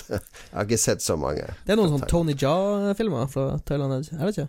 Hmm, kan, ja, ja, det er vel ja. Litt usikker. Ja, vi håper hopper, vi på, går på videre. kino, når du er på kino i Thailand, så må du eh, stå opp i salen og, og, som respekt til kongen, Ja, selvfølgelig. for det er et diktatur. Yes. Norsk film. Her kommer jo Vi fortsetter å kose oss med krigsminnene våre. Den tolvte mann kom og gikk, gadd jeg ikke å se. Eh, Thelma, derimot, den elsker jeg. Jeg vet at Lars hater den, men det er Oslo-hatet som skinner gjennom. Men eh, en prequel til Thelma og Louise, det trengte vi ikke. Det var ingen som ba om det, så jeg er litt sånn stiller meg undrende. Når jeg, når jeg researcher de her tingene her, så går jeg på den amerikanske sånn indie-filmside. altså, som har kåra Best Foreign Movies og det og det. Og to av de som hadde Thelma på førsteplass som Best Foreign Movie i 2017, så den har uh, godt ry. Han Joakim Trier er stor i utlandet. Og så må vi ikke glemme Prebz og Dennis The Movie kom jo dette året. Yay. Skulle du si noe, Mats? Nei, jeg skulle bare si at uh, jeg må få sett Thelma, for jeg satt og spilte uh, der Mars-kolonispillet mens dere så filmen. Mm. Ja. Jeg anbefaler å se den alene. Ikke ha Knut og Lars og eh, Jan Harald bak deg i rommet som drikker øl og sitter og sutrer og klager. Men se den alene. Trekk for gardina og se den alene. Den er creepy og eh, meget god. Ja. Og ikke god til å være norsk, men god. Ja, ja. Vi avslutter med noen kjappe TV-serier. The End of the Fucking World. uh, veldig høyt rangert. Jeg er litt usikker på hva det egentlig handler om. Tror det er litt sånn ungdomsserie. Ja, det er sånn Ri- tenåringsdramating. ja. Riverdale var vel en sånn remake av Archie-tegneserien. Det er noen ekspansjon av det universet, tror jeg. Ja, helt ok hvis du vil ha en sånn ungdomsdramaserie med mye MILFs, så er det bare å gå for Riverdale. Høres ut som noe for deg, det. Eh, Mindhunter, den likte jeg veldig godt. En sesong én her som foregår på 70-tallet, med litt som handler om hvordan de fant opp denne å, å lage sånne psykologiske profiler på massemordere. Veldig bra. Mm. Handmaid's Tale kom dette året, ble jo meget uh, stor, uh, basert på boka Margaret Atwood. Dark, en uh, tysk Netflix-serie om Den så jeg da jeg lå med feber her tidligere i Oh. høst, så så jeg på både sesong én og sesong to. Det er en ganske bra feberserie å se. Den blir ganske komplisert etter hvert, fordi de driver og reiser kan reise 33 år. Det er sånn tidsloop, så det er akkurat nøyaktig 33 år du kan reise frem eller tilbake i tid. Og flere ganger tilbake i tid. Men så skjer alt parallelt. Ja, det er mye, det er mye timelines og Ja, folk som er i slekt med går, hverandre. eh, tida går lineært, bare i eh, fi, fem timelines samtidig. Utrolig kul serie. Anbefales. Ja, den, er, den blir liksom Den går seg litt vill i seg sjøl i andre sesongen, men, eh, men den er underholdende. The Miraculous Mrs. Maisel kom dette året, om en eh, kvinne på 50-tallet som prøver å bli standup-komiker. Uh, får mye skryt. Star Trek Discovery kom dette året. American Gods, nok eh, en uh, Guyman Pratchett-ting som skal Se sesong én, det var bra, og sesong to bu, bu, bu. Og så kom jo en av mine favoritter fra dette året, The Deuce, som får handle om hore- og pornofilmprodusenter i New York på 70-tallet. Jeg er veldig fascinert av New York på 70-tallet, når New York var så farlig og skittent. Altså den taxidriver-virkeligheten, ikke sant. Det var sånn i New York. Og den her er jo med han eh, Hva heter han? Matt uh, Han der uh, Han som beita av seg arma i den der uh, Sitter fast i fjellet-filmen og Ja, hva Ja. heter han? Han uh, James Franco. James Franco? James? Franco Ja. James Franco to Han spiller tvilling her, da, så han har selvfølgelig Ah. to roller. Og hun uh, Hun søstera til han eh, Det er bra podcast. Og Maggie. Gyllenthal, hun er jo produsent og også en veldig sentral rolle. Det er mye halvkjente med i den.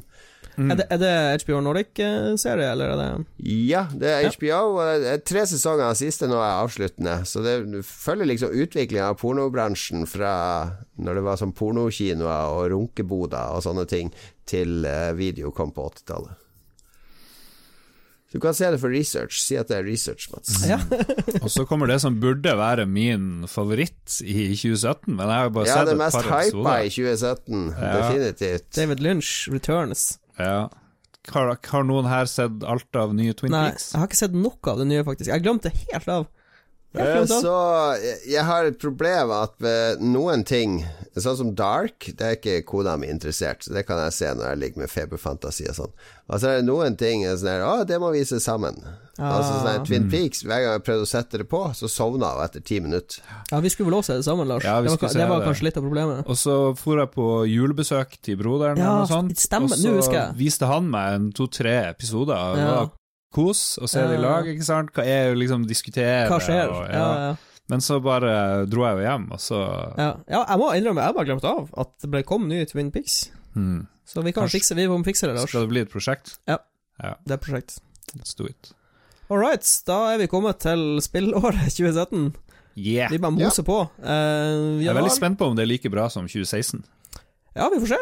Uh, Starta litt forsiktig i januar. Det eneste jeg fant egentlig som var nevneverdig, var Resident Evil 7 Biohazard, som jeg ikke spilte, Mm. men det var vel kompetent Resident Evil? Var det Det er veldig bra. Det var beste Resident Evil siden Resident Evil 4, spør du meg. Eh, vi marsjerer videre til februar. Da er det noen nevneverdige. Nio, det der eh, Dark Mm. Souls-aktige samuraispillet. For Honor, det der eh, eh, Det var sånn her eh, vikinger viking. mot riddere mot ja. samuraier. Jeg har ikke spilt det så mye sjøl, men det er på, Altså, det, det går fortsatt. Det er fortsatt eh, folk som Ja, spiller. de, det var også et sånt spill de måtte redde på en måte, fordi det sleit mye med cheaters og ubalanse og sånn, men så Ja. ble det ganske bra, og det er ganske unikt konsept. Altså, det er multiplayerspill der du duellerer mot andre spillere i ulike kampstiler. Jeg kan jo nevne at Ubisoft som lager det, og Ubisoft har vært ganske flink å beskytte spillene sine med å liksom Mm. løfte de eh, etter de slippes. Eh, Og det siste spillet i februar er jo da Lars sitt favorittspill noensinne, Horizon Zero Dawn, med de her robotdinosaurene og søte søte rødhåra damer som springer rundt. Ja. Oh yeah. Prequelen til Forsa Forza Horizon. Ja. Eh, Eller eh, hva nå Jeg, jeg har sett han Lars spille det veldig mye, så jeg føler jeg har spilt det sjøl, da. det, var, det var akkurat så lett og bubblegum-aktig at du klarte å bare mose gjennom det spillet ganske fort. Mm. Altså, jeg må innrømme at det ser kult ut. Ja, det var veldig teknisk kompetent. Hadde jeg hatt mer tid, så hadde jeg spilt det. Samme engine som um, Jeg skulle ikke si Metal Gear Solid, men uh, eh, Death Stranding. Ja, Death Stranding. ja, altså, det er Guerrilla Games sin inhouse eh, engine uh, som de har laget sjøl. De er meget kompetente teknisk, uh, det er de. Jeg tror vi kan si at de er best på PlayStation. Det var spillet jeg har brukt mest tid på fotomode. Jeg drev og ja. mye i fotomål. Ja. Men det var jo et veldig Altså Det er jo noe av det beste Guerrilla Games har laga, for de har jo gått seg vill i de her Killzone-spillene som aldri har hatt den lekenheten de førstepersonsskytespillene bør ha, men alltid føltes litt tunge og Ja, litt sånn, ja, sånn seriøs. Så jeg syns det var ganske bra, men så jeg begynte på det. Og så kom uh, neste måneds spill, nemlig Breath of the Wild, som uh, Zelda. Breath of the Wild, som jeg ble helt bergtatt av. Og så etter at jeg hadde runda Selda og prøvde å gå tilbake til Horizon Zero Dawn, så var det så veldig mye som føltes utdatert i Zero Dawn, i miljønavigasjon og, eh, og level design og sånne ting, så jeg klarte ikke å fullføre det. Men jeg tror jeg tipper det var mange som gikk i denne fella, for som sagt, i mars så kom Breath of the Wild og bare moste 2017 ned i støvlene, liksom. Eh, og Kan nevne noen at uh, Nier Automata også kom ut i mars. Ja. Ja. Jeg skulle ønske jeg hadde fullført det, for det har en sånn verden og en sånn unik eh, greie som, som ingen andre spill har.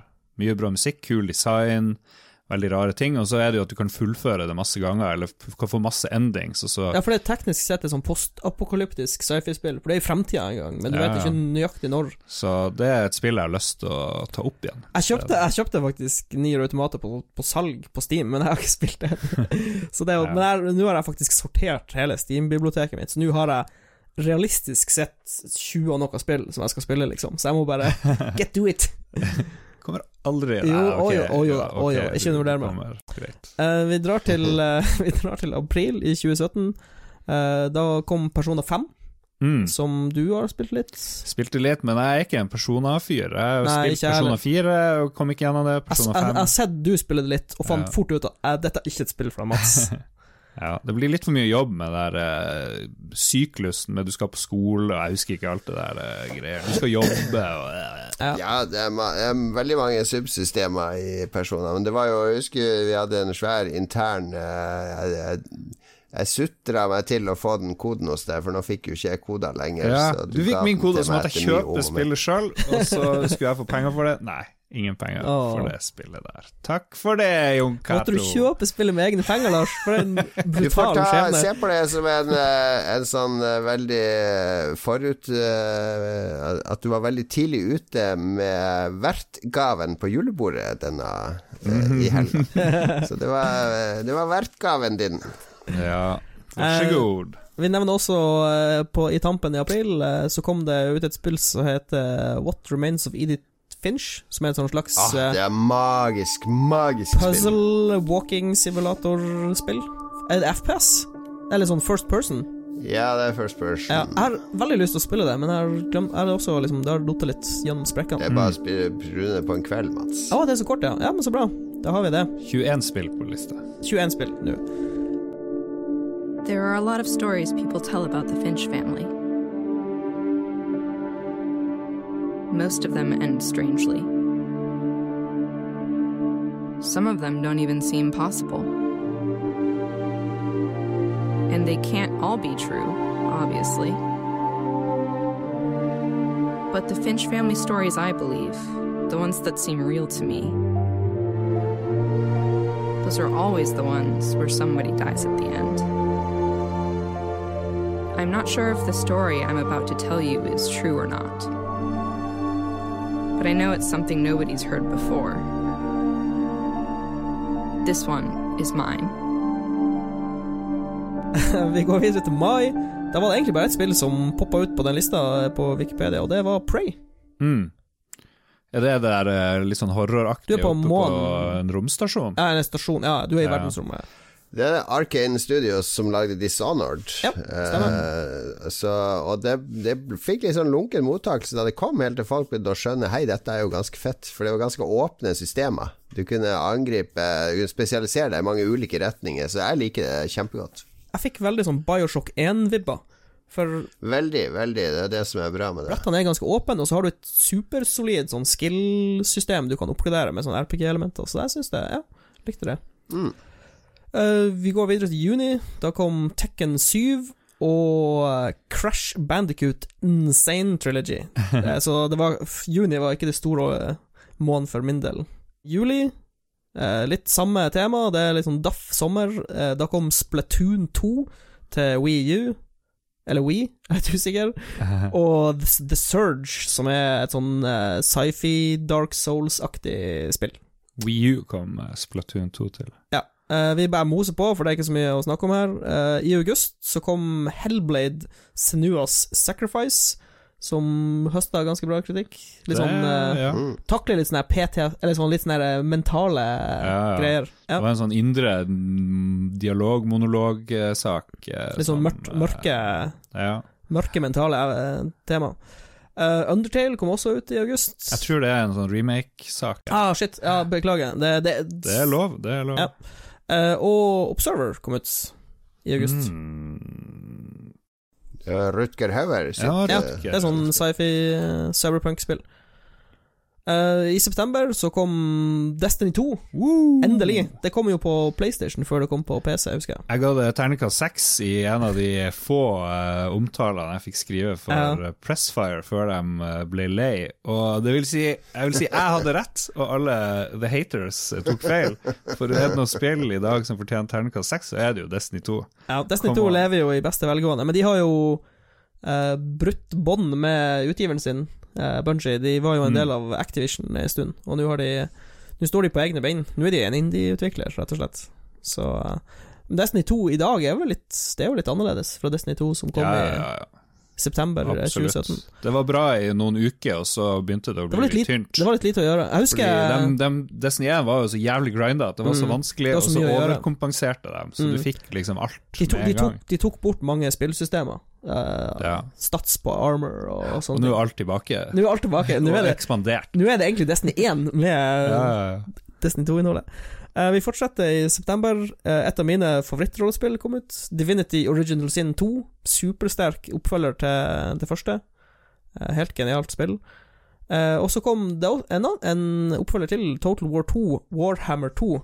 Kom også ut i september. Og det det Jeg nevnte ikke Total War Warhammer i 2016, fordi oppfølgeren er så mye bedre. Det er liksom bare Ja, ikke kjøp det første, kjøp oppfølgeren, for det er bare sinnssykt mye bedre, rett og slett. Eh, vi drar til oktober. Uh, litt snork. Assassin's Creed Origins, det der Egypt-spillet. Lars var vel innom det?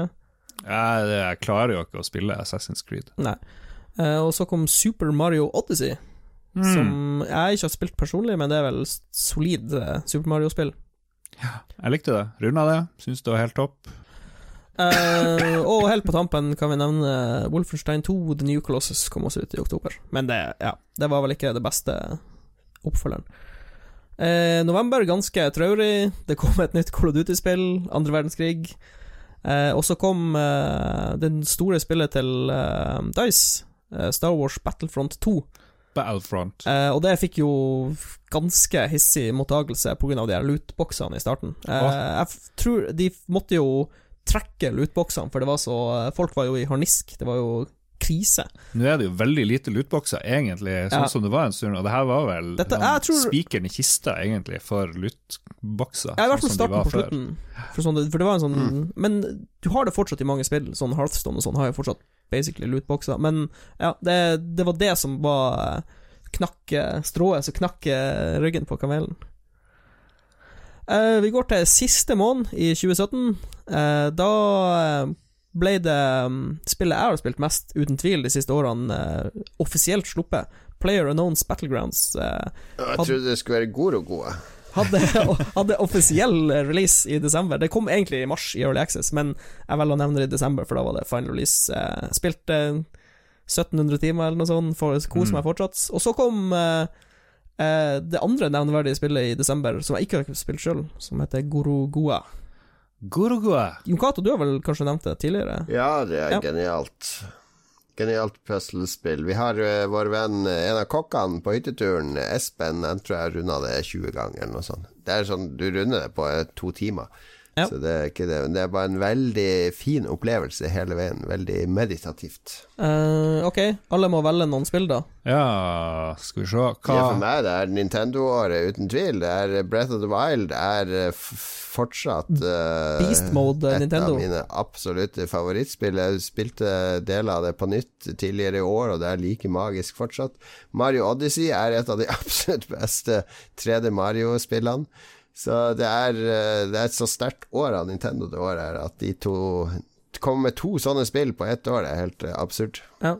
Eh, jeg tror jeg holder en finger på PubG og Divinity Original Sin 2. Det er vel de spillene jeg har spilt mest fra det året. Hvor mange timer uh, PUBG, Player Unknowns Battlegrounds, har du spilt nå? Rundt sånn 1600-1700 timer. Ah, cirka. Siden, siden mars 2017, da. Solid. Så Jeg går, ganske- ja. Jeg går rett på Destiny 2, altså. Her det er jo ikke noe Ja. valg. Du er jo en guardian. Jeg, IRL, og jeg spilte rett før opptaket her, og jeg er back, back on the heroin. Ja. Ragnar Holst sier at Horizon Zero Dawn hadde sine mangler, men det helt utrolige kampsystemet redda spillet fra han. Alltid tilfredsstillende og gøy å slåss mot de mange robotene, og så var det en vakker verden. Og så anbefaler han noe vi ikke har snakka om i det hele tatt, eh, plattformspillet Slime-San. Slime-San, ja vel. Presist, utfordrende og morsomt spill som passer perfekt på varmekablene på badet til Switch. Ja. Og Stian Mæland, 2017 spilte han mest PUBG og Breath of the Wild. Men eh, han tok Horizon Zero Dawn Oh. etter å runde Selda, og det var Akkurat det vi har snakket om. Det var Dårlig ja, rekkefølge. Ja, ja, ja. flere som opplevde Det det. er det. Jeg husker spesielt de skurkehusene i Horizon Zero Dawn. Der det går masse sånne mennesker rundt, så skal du observere de og snike. Det var kjedelige greier. Ja.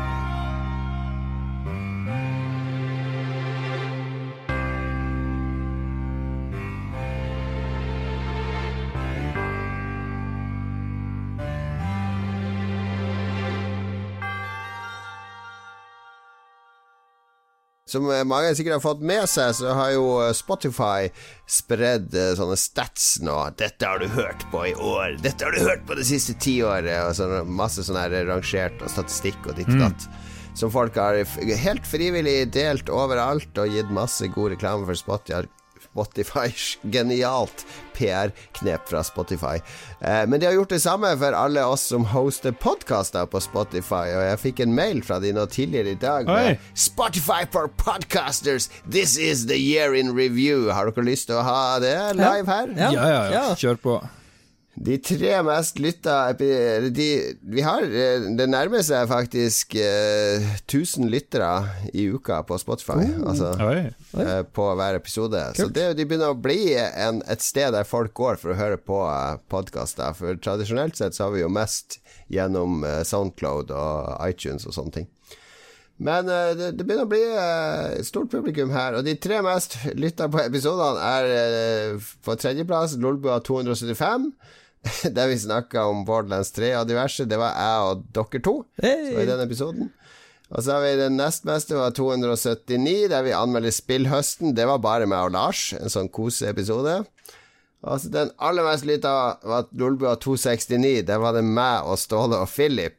Eh, Det var der vi, eh, vi leste opp Lars sine tips for spillhøsten med veldig negativ stemme. Så den ble veldig populær. Og da la dere kanskje merke til fellesnevneren i de tre var undertegnede, uten at det trenger å bety så mye. Det er, det er bra. Det, er, det er morsomt. Du får aldri lov å ikke være med lenger, altså. Litt mer statistikk. Vi hadde en økning i fi, på 479% i antall followers i år. Eh, vi kom, jeg husker ikke når vi kom ut på Spotify, det var helt i slutten av i fjor, tror jeg. Det var ikke så mye å sammenligne med. 546% økning i antall lyttere, så det er jo positivt. Nei, ja, det er ikke så interessant hvor i verden de holder til. Men hvilke fire andre podkaster tror dere våre lyttere liker best? Nerdelandslaget. Uh, level up. Level up. Riktig. Riktig. Nei, det er bare de to som er spillpodkaster. Det er litt spennende. Oh. De to andre er ikke spillpodkaster. Joe Rogan. Nei, de er norske. Å ja, de er norske. Å, norske. Ja, ja. Strikkepodkasten. Nei, nei, nei, det er bare menn i de her. Det er godt selskap å være i, kan jeg si. Jeg ble, jeg ble litt glad da jeg så det, at vi har crossover mot de. Uh, hva er den der favoritten du likte, den der uh, Ja, Nå kan man Kristoffer Schou, et eller annet sånt. Nei, ikke den, faktisk. Ikke den. Nei. Nei, de, de hører på Level Backup, Nerdelandslaget, Misjon med Atle Antonsen og Johan Golden, og Radioresepsjon. Hey, Oi. kult, da. Ja, det er Ja, godt, det er godt selskap. Det er fint selskap. Det er hyggelig Strong. selskap. Mm. Og til slutt, sist uh, Ja, uh, vi har 46 episoder i fjor, eller så langt i år, som de har med. Ja, det blir vel riktig, det. 3800 minutter, og flest lyttere i Norge og Sverige. Heia Sverige! Heia Sverige nå. Heia Sverige nå. Anbefalinger helt til slutt. Yes. Lars, du skal rekke å klippe det her. Det kommer Ja, an det her blir muligens Det er bare en, det er bare en og en halv time, da. Kanskje. Det er ikke så ille. det, det tar jo Jeg må jo høre gjennom alt, for det I'm so sorry, I'm so sorry. Må Eh, ikke høre gjennom alt. Det er bare å hive inn musikk her og der. Uh, jeg skal anbefale Jeg bare tok en kjapp søk. Hva var liksom ting som skjedde i 2016 Og nå er greia, når vi har disse episodene, så anbefaler vi ting som kom disse årene. Ja, ja. Jeg anbefaler nå fra 2016 en film som jeg syns er ganske undervurdert. Den har ganske dårlig kritikk, ganske dårlig score her og der, men jeg syns den var kjempe, kjempegøy. Jeg elska Ryan Gosling og Russell Crowe som torpedo og eh, detektiv i The Nice Guys, regissert av en av de eh, unsung heroes av filmverden, Shane Black, som skrev eh, ting som eh, The Last Boy Scout og eh, masse andre Predator. Predator og Han er vel med i Predator òg, faktisk. Han har en liten rolle. En liten rolle. Ja, han er med på laget. Jeg bruker å få jeg bruker, Folk bruker å le av meg når jeg sier Kurt Russell, men hvis Mats skal få lov å si Predator uten at noen ler, så syns jeg det er urettferdig. Skal jeg si Predator? Han skrev Predator. 'Dødelig våpen', skrev han òg, og mye awesome.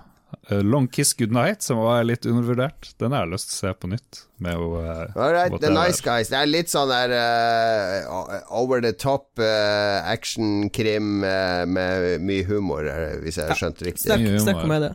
Ja. Det er mye sånn eh, Mye useriøst tull. Old school actionkomedie, Ja. kan vi si det? Litt sånn 80-talls, eh, 90-tallsvibba. Absolutt. Feel good. Ja. Ja. Ok, Matsui. Eh, det er en film fra 2016. Den, den ble vel egentlig sluppet på et par sånne eh, festivaler i 2015, men den hadde offisiell release i 2016. En ganske fersk regissør som heter Robert, Robert Eggers, eh, Ok. som Det er hans første film. Det er en horrorfilm som Mm. handler om en familie fra England som er flytta til USA. Dette er på tidlig Jeg er ikke helt sikker på årstallet, men det er tidlig, tidlig i koloniperioden eh, i USA. Og så blir de kasta ut av eh, den byen de bor i, egentlig. Og så de må liksom bare bygge seg et lite, en liten hytte liksom ute i skogen en plass, og bare holde på for seg sjøl, da. Mm. Og så begynner det å skje litt ting i skogen. Men veldig sånn Det er en meget bra film. Det har jeg sett den, og eh, Mats. Den er kjempe, kjempebra. Jeg elsker Det er noen filmer som nailer stemninga. Så du, Ja. du blir bare dratt rett inn i filmen fra de første fem minuttene, liksom. Det er helt fantastisk. Utrolig fokusert. Og han som spiller han er faren, er så jævla bra òg, fordi det er han som er en sånn her komplett idiot Ja. i det britiske The Office. Der er han oh, sånn eh, kompisen til han, uh, han Ricky Gervais som, som alltid er Den har de skitneste, ekleste vitsene. Ja, ja, så bra. Nei, men det jeg synes, Utrolig sterk innsats av uh, hun der, Anna Taylor-Joy, som spiller hovedrollen, og han faren. Og, nei, det er Mm. bare all, all round en utrolig sterk film. Som eh, Ja. Hvis du ikke har sett den, så Støtter sjekk den ut. anbefalinga varmt. Eh, Min anbefaling er for å være det intellekte alibiet igjen og anbefale en bok. Ikke sitte og glane på, på det da øyekreftkassa. Jeg liker at du ikke klarer å uttale intellektuelle alibiet, men kaller deg selv intellekte alibiet. Så er det må du klippe i post. Tar det på nytt. Så jeg får da være det intellektuelle alibiet i Lolbua nok en gang. Eh, og anbefale en bok i stedet for disse hjernedøde filmene. Uh, Nei da, jeg vet at dere, dere leser antagelig mer bøker enn meg. Eh, men akkurat denne boka husker jeg så veldig godt. Det gjorde godt inntrykk på meg. Den heter The Fireman. Og The Fireman Skrevet av Joe Hill, som vi, eh, de fleste eh, som liker litt skrekkfiksjon, vet er sønnen til Stephen King. Eh, og det er en postapokalyptisk roman. Uh, det, nå blir Mats interessert, for postapokalypsen er alltid koselig. Eh, menneskeheten har blitt infisert av en sånn der, et sånt virus som gjør at du får enormt mye feber, og til slutt så bare blir det sånn spontaneous combustion. Du bare bryter ut i flammer og brenner opp og dør. Så, så de som har klart å overleve, de har liksom laga sine egne bitte små samfunn, og du må liksom ut på raids, og der er det alltid sånn klassisk eh, eh, postapokalypse-setting, bortsett fra at hovedpersonen er en sånn brannmann, da. Eh, som uh, Ja, det skjer mye på denne øya de er på, og uh, jeg syns settinga er Fordi det ikke er zombier, eller det er Det er ikke sånn der The Road-tristesse. Det er det, er det horrorelementet i bunn. Den der ondskapen i bunn. Så The Fireman av Joe Hill blir sikkert filmatisert om ikke så altfor lenge, men da får du bare hive deg over boka først, for den er sikkert bedre enn filmen uansett. Kult. Det høres ut som ei bok for meg, egentlig. Den gjør det. Absolutt eh, verdt å lese. Du jeg har jo vært brannmann, men la oss ikke gå inn på det. Jeg har den gamle Men det hadde vært gøy å ha et uh, spill eller noe sånt hvor du er brannmann i postapokalypsen, så må du liksom navigere rundt zombier og sånt for å klare å slukke de brannene. og- Ja. Vær så god, spillindustrien. Topp idé. Da var vi kommet til veis ende. Takk for et hyggelig opptak, karer. Takk for besøk i helga. Takk til Lars som hadde redd opp etter seg. Eh, Nei da, det så bra ut på begge rommene. Uh, ungene var Dere har ligget i sengen til mine to yngste barn, så når barna kom hjem, så var de så glade. 'Å, det er nytt sengetøy! Yes, yes!' Og det er bare, ja, det. Eh, ja, nærmer seg jul. Vi har én episode igjen der vi skal rappe opp uh, 2018-2019, så det blir jo veldig nært tilbake i tid. Uh, jeg vet ikke hvor nøye vi skal være. Kanskje vi skal fokusere mest på 2019, da. Siden eh, det, er ikke, det er jo et år siden vi oppsummerte 2018, så Ja, ja, god idé. vi får se hvordan vi gjør det. Og så blir det en episode til før jul. Vi rekker vel det? Ja, og så er det juleuka. Da tradisjonelt sett kommer det en ny Sidbua. Det har jeg gått og pusla litt med. Og så blir det nytt år og nye muligheter. 2020, tenk det. Det er Cyberpunk 2020-året. Åh, det, er, eh, det er så future som det går an å bli. Det, Ja. det er noe futuristisk med 2020. 2019 er litt sånn eh, det er nå, liksom, men 2020, det er Jeg forventer flygende bilder. Så må vi huske å finne spådommene våre for 2019, som vi vel hadde i forrige oh, episode. Ja, det skal vi altså oh, gå gjennom. Takk til alle som hører på oss og, støtter oss på Patrion. Og er du ikke med i vår eh, Facebook-gruppe Lolbua Entourage, så bør du melde deg inn der nå, for det kommer en annonsering denne uka for alle som vil ha noe hyggelig i posten til jul. Da må du signe opp, og det blir begrensa hvor mange vi kan ta imot, for det er begrensa hvor mange konvolutter jeg gidder å sitte og håndskrive skrift på eh, før posten sin frist 16.12. Og hvis du abonnerer på Amazon Prime Video, eh, så har du en gratis sub på Twitch. Så da kan du gå på Twitch-kanalen vår og subbe. Gi oss eh, gra Det er gratis penger, folkens. Det kan du. Eh, ja, det var vel ikke mer å si da. Kos dere videre i førjulstida. Ikke stress med julegaver. Det holder. En klem er godt nok. Et smil og en klem, det bør være gave godt nok. Ikke vær så materialistisk. Takk for oss. Ha det bra. Ha det. All we are saying is give peace a chance. Kom igjen, alle sammen. All we are saying Nei. Det, Nei, ok. I don't know the words. Dere liker ikke fred. Det er bare Hater fred. jeg liker ikke John Lennon. Det er forskjell. All right, John Cato. March, Jack Ely. Don't get upset. I'm not here to hurt you.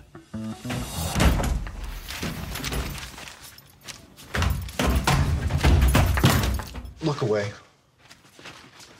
You know there's a mirror here, right? What do you want?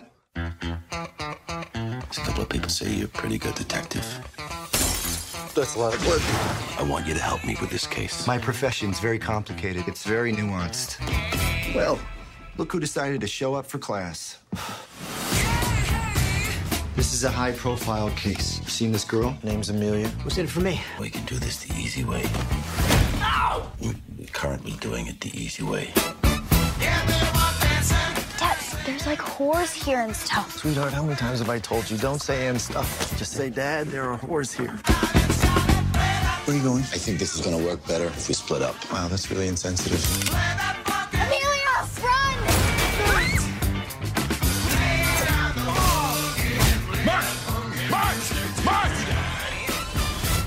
You're in the pool? Yeah. Why? I had to question the mermaids. What were you doing while I was working? Why do you think everyone involved in this case is dying?